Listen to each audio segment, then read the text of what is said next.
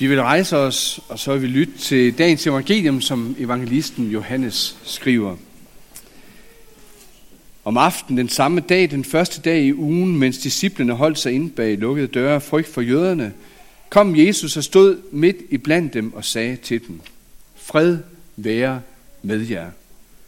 Da han havde sagt det, viste han dem sine hænder og sin side. Disciplene blev glade, da de så Herren. Jesus sagde igen til dem, Fred være med jer. Som faderen har udsendt mig, sender jeg også jer. Da han har sagt det, blæste han ånde i dem og sagde, Modtag heligånden. Forlader I nogen deres sønder, er de dem forladt. Nægter I at forlade nogen deres sønder, er de ikke forladt. Thomas, også kaldet Didymos, en af de tolv, havde ikke været sammen med dem, da Jesus kom. De andre disciple sagde til ham, Vi har set Herren. Men Thomas sagde til dem, hvis jeg ikke ser navlemærkerne i hans hænder og stikker min finger i navlemærkerne, og stikker min hånd i hans side, tror jeg det ikke. Otte dage efter var hans disciple der samlet, og Thomas var sammen med dem. Der kom Jesus, mens dørene var lukket, og stod midt i blandt dem og sagde, fred være med jer.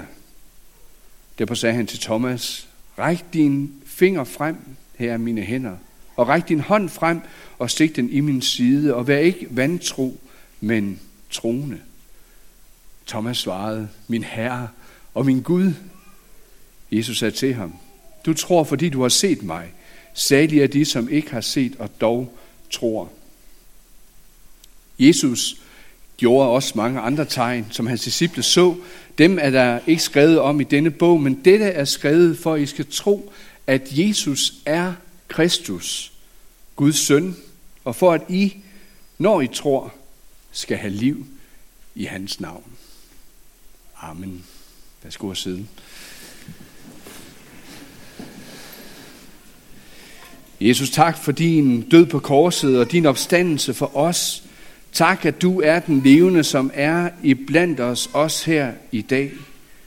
Tak, at du vil give os din fred og din ånd til trøst, glæde og frimodighed. Vi beder om, at du må skabe tro i os. Ja, åbn vores øjne, så vi ser dig, hører dit ord, tag det til os og lad det leve i os. Tak for store som små i vores kirke og den dejlige børneflok nu, som er til børnekirke. Vil du velsigne dem, og vil du også hjælpe dem til at kende dig, til at se dig, til at blive bevaret hos dig. I dit eget navn. Amen. Disciplerne blev glade, da de så Herren. Sådan står der kort og godt. Og jeg tænker, hvis det er det, du kan gå hjem med fra Guds tjeneste her i dag, disciplene blev glade, da de så Herren. Jeg blev glad, da jeg så Herren. Så er der noget, der er lykkes, måske i forhold til at høre ordet i dag, det vi deler med hinanden, i sange, i læsninger. Jeg tror, der er noget beskrivende netop over den her meget korte sætning. Disciplene blev glade, da de så Herren, for hvordan at de havde haft det i den tid, der var fra påskemorgen, eller især fra langfredag, hvor Jesus døde for dem, deres ven, deres mester, og så til at de oplever, at Jesus han kommer igen, og så står midt i blandt dem. Både den påske morgen aften, og nu otte dage efter, den her søndag aften. Samtidig så peger det også på, hvad det betyder at se Jesus som den opstandende. Det gør en verden til forskel. På den flyer, der ligger rundt på stolene, der har vi i dag sat et nøglevers, og det er det sidste vers, som vi hørte lige før fra kapitel 20, vers 31 her i Johannes evangeliet. Dette er skrevet for dig, for mig. Det er skrevet for at I, for at vi skal tro, at Jesus er Kristus, Guds søn, og for at I, for at vi, når vi tror, skal have liv i hans navn. Det er proklamationen. Jesus er ikke en død Gud. Han opstod, han lever, han viser sig for disciplene, for kvinderne, for mange andre. Og det møde, som de fik, det blev et afgørende møde. Det blev et, et møde til noget nyt. Et nyt liv. Det skabte nyt liv. Og så kommer nærmest måske næsten det stærkeste i lyset af det, at det ikke bare lige var den gang inden for de der otte dage, det skete, at der, hvor Jesus kommer til mennesker, også i dag, der skaber det nyt liv. Jesus han kommer, fordi han vil møde os. Ligesom han mødte disciplene den aften, kommer han for at møde dig og mig. Han kommer for at skabe fred, for at skabe glæde. Du skal høre i dag, at betydningen af Jesu opstandelse ikke kun lige rækker til den samme dag, som Jesus opstod, eller lige en uge længere frem. Men det er noget, der rækker hele livet igennem. Det er noget, der rækker ind til verdens ende. Det er noget, der rækker helt ind i evigheden. Eller at det, at Jesus opstod for de døde, kun lige gælder de nærmeste 12. Men allerede her, den første aften, blev de sat i bevægelse, at det her det er noget, der skal ud og gælde alle, der kommer til at møde Jesus. Ikke bare lige søndagen efter, eller 14 dage efter, eller indtil Jesu himmelfart. Men hver eneste dag, hver eneste søndag, indtil at Jesus kommer igen.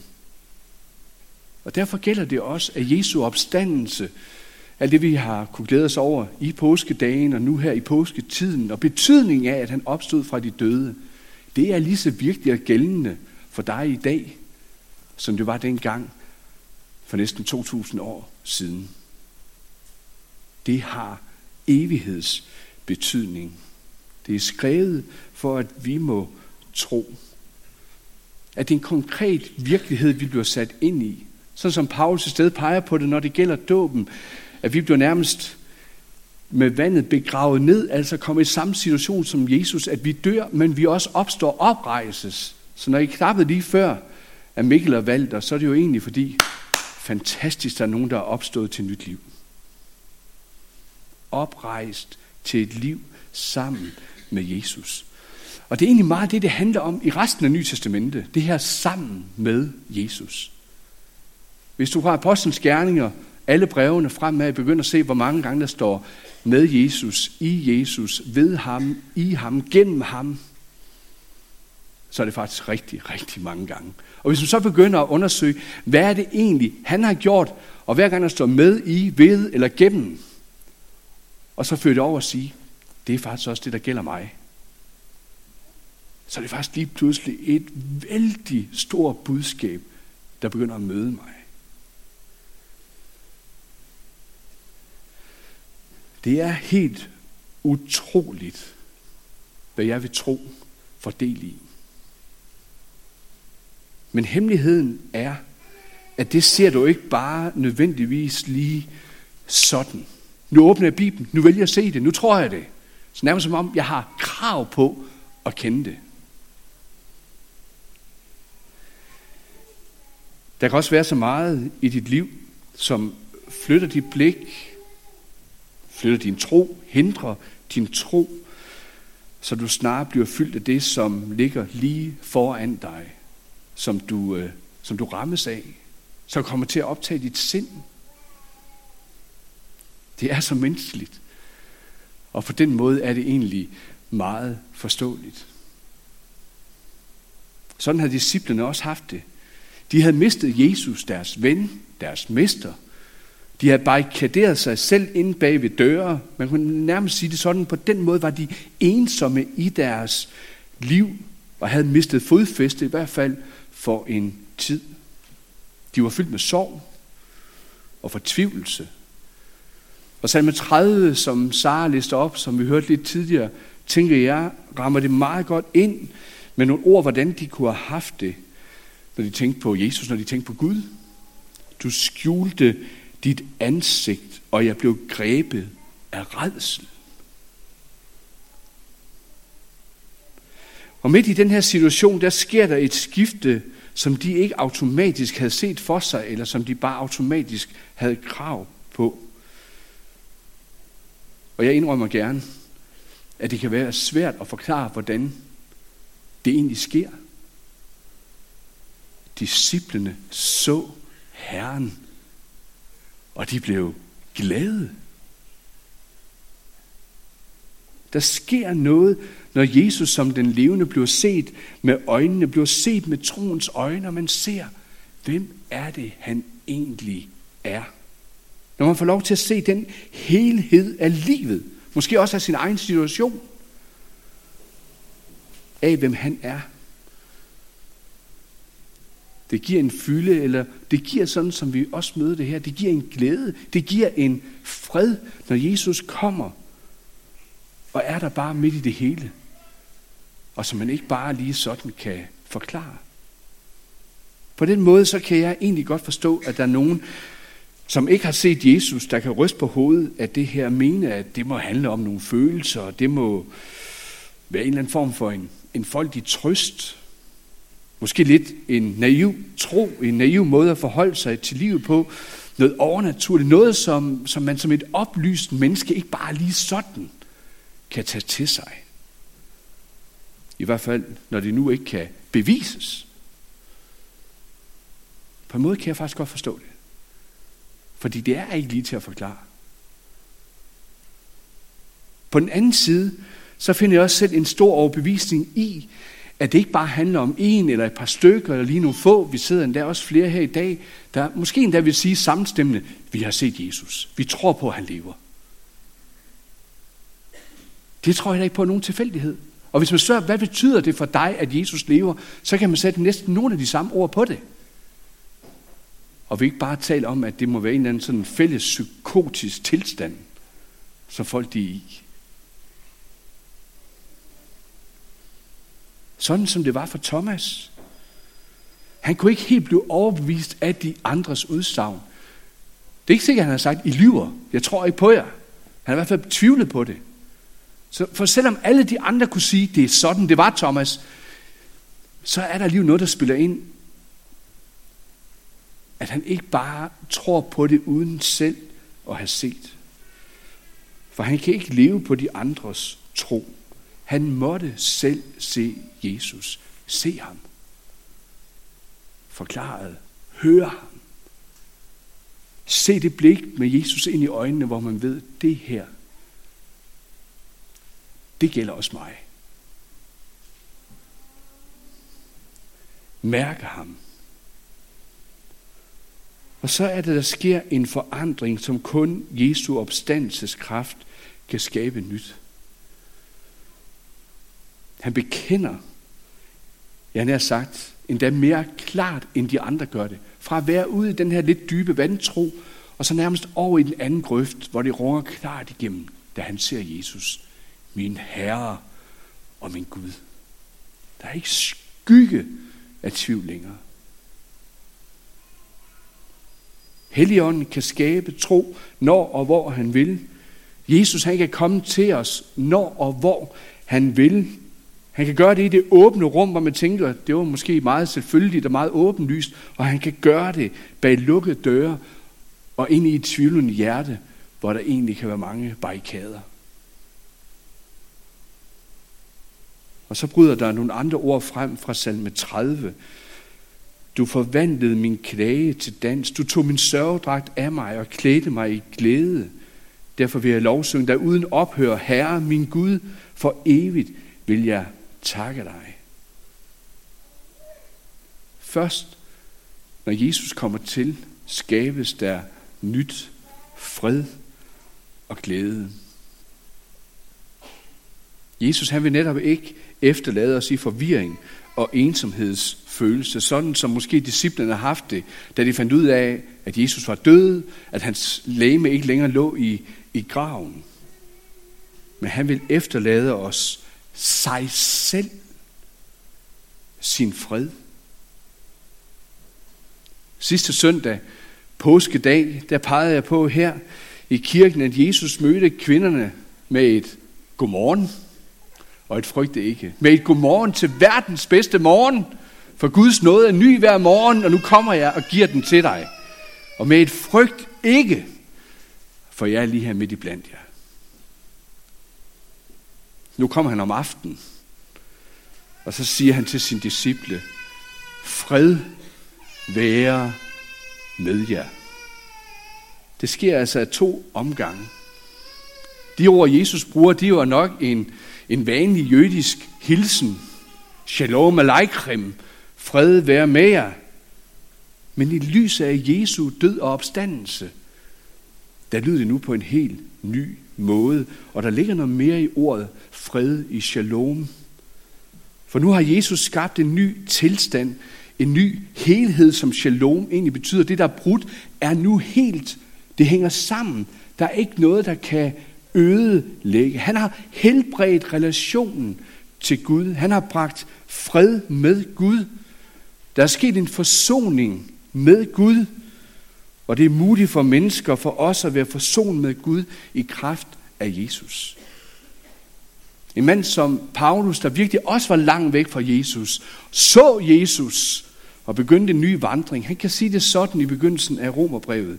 Da vi nu er blevet gjort retfærdige af tro, har vi fred med Gud ved vor Herre Jesus Kristus. Ved ham har vi i troen fået adgang til den noget, som vi står i. Som er ny af morgen. Godmorgen. Frygt ikke. Fred være med jer. I det lys så er der ikke noget at sige til, at de her bange disciple nu blev fyldt af glæde. De blev glade, da de så Jesus og hørte hans ord. De var bange og forskrækket, men de blev skiftet ud.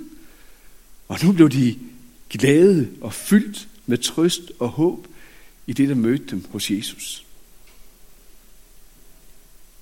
Jesus han kommer til dem bag lukkede og låste døre. Sådan kommer han også til os, måske til dig, der også sidder og tænker, jeg er for langt væk, og må Jesus han vil nå mig, vil han tale til mig, vil han være i mit liv? Ja, så står han midt i blandt os med sit ord. Han kommer måske ind og er midt i dit hjerte med sit ord. Noget, som overgår al forstand. For det er jo netop det, det gør. Han kommer med en glæde, med en fred med sig selv, som overgår al forstand. Fordi det rummer noget nyt, og det skaber en ny virkelighed. Når Jesu ord om fred og forsoning bliver forkyndt for os, ja, så har det den hensigt at skabe trøst, skabe frimodighed, trøste, give håb give fred. Nok på en åndelig plan, men måske også mere end det. Fordi den fred også kan have betydning for os som, som menneske, læme og sjæl for det hele menneske. Guds ord til dig og mig, det hører ikke bare hjemme på et åndeligt plan, eller måske på sådan en abstrakt plan, hvor man tænker, hvor er det lige, det lander hen i mit liv. Men det gælder hele mit liv. Det har indflydelse på hele mit liv, hvem jeg er og tænker og hvad jeg gør. Og i det lys har jeg også lyst til at sige, det her det betyder ikke, at Jesu fred til mig, det fjerner alt ondt, sygdom, ulykker og død, som om, at når man så hører Jesus til at kende hans fred, så går man urørlig igennem den her verden. Nej, for vi taler om at være stadig i syndefaldets verden med alle de konsekvenser, som det bærer med sig. Men det betyder, at Jesu fred, det giver mig en indre fred til at leve i den her verden, som er mærket af skrøbelighed og syndefaldets konsekvenser. En fred, som giver ny styrke, glæde, frimodighed, modighed, udholdenhed og kærlighed. Og på den måde, der kommer kristne, der nu er blevet hvide, i kontrast til det sorte og mørke, der kommer vi til at stå som nogle lysende eksempler Midt i den her verden, for nogen, der kommer fra en anden planet, der kommer fra Gud af, der kommer fra himlen til den her verden. Og derfor så kan det godt med den her fred, som man kan have som en trone, virke underligt på alt det, der kan være i det ydre, og som mennesker ikke bare lige kan gribe eller forstå med sin fornuft.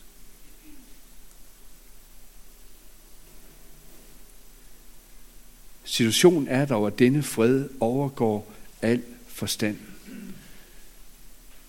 Men hvordan forklare, hvad der sker inde i mig, når jeg oplever at have fred med Gud, når jeg er midt i problemer, i møde med sygdom og død, over for forfølgelse, eller hvad nu det kan handle om, handler ud fra en fast overbevisning til Gud, har en tillid til Gud, at han ikke svigter, og som kan forundre verden. Jeg kunne se på et ekstra antal like ind på vores Facebook-gruppe, at nogle af jer har læst Majas vidnesbyrd ude fra sygehuset her i den forgangne uge. Hvad lovsang og en fred i sådan en situation kan rumme af vidnesbyrd for andre. I den forstand så kan andre nogle gange måbe over, hvordan kan man som troende have fred midt i det, der ser forfærdeligt ud. Ikke at vi flygter fra det, men Jesus er midt i blandt os. Og så har vi et håb, fordi han er opstanden for vores skyld, for min skyld. Det giver verden en helt ny retning og et nyt perspektiv.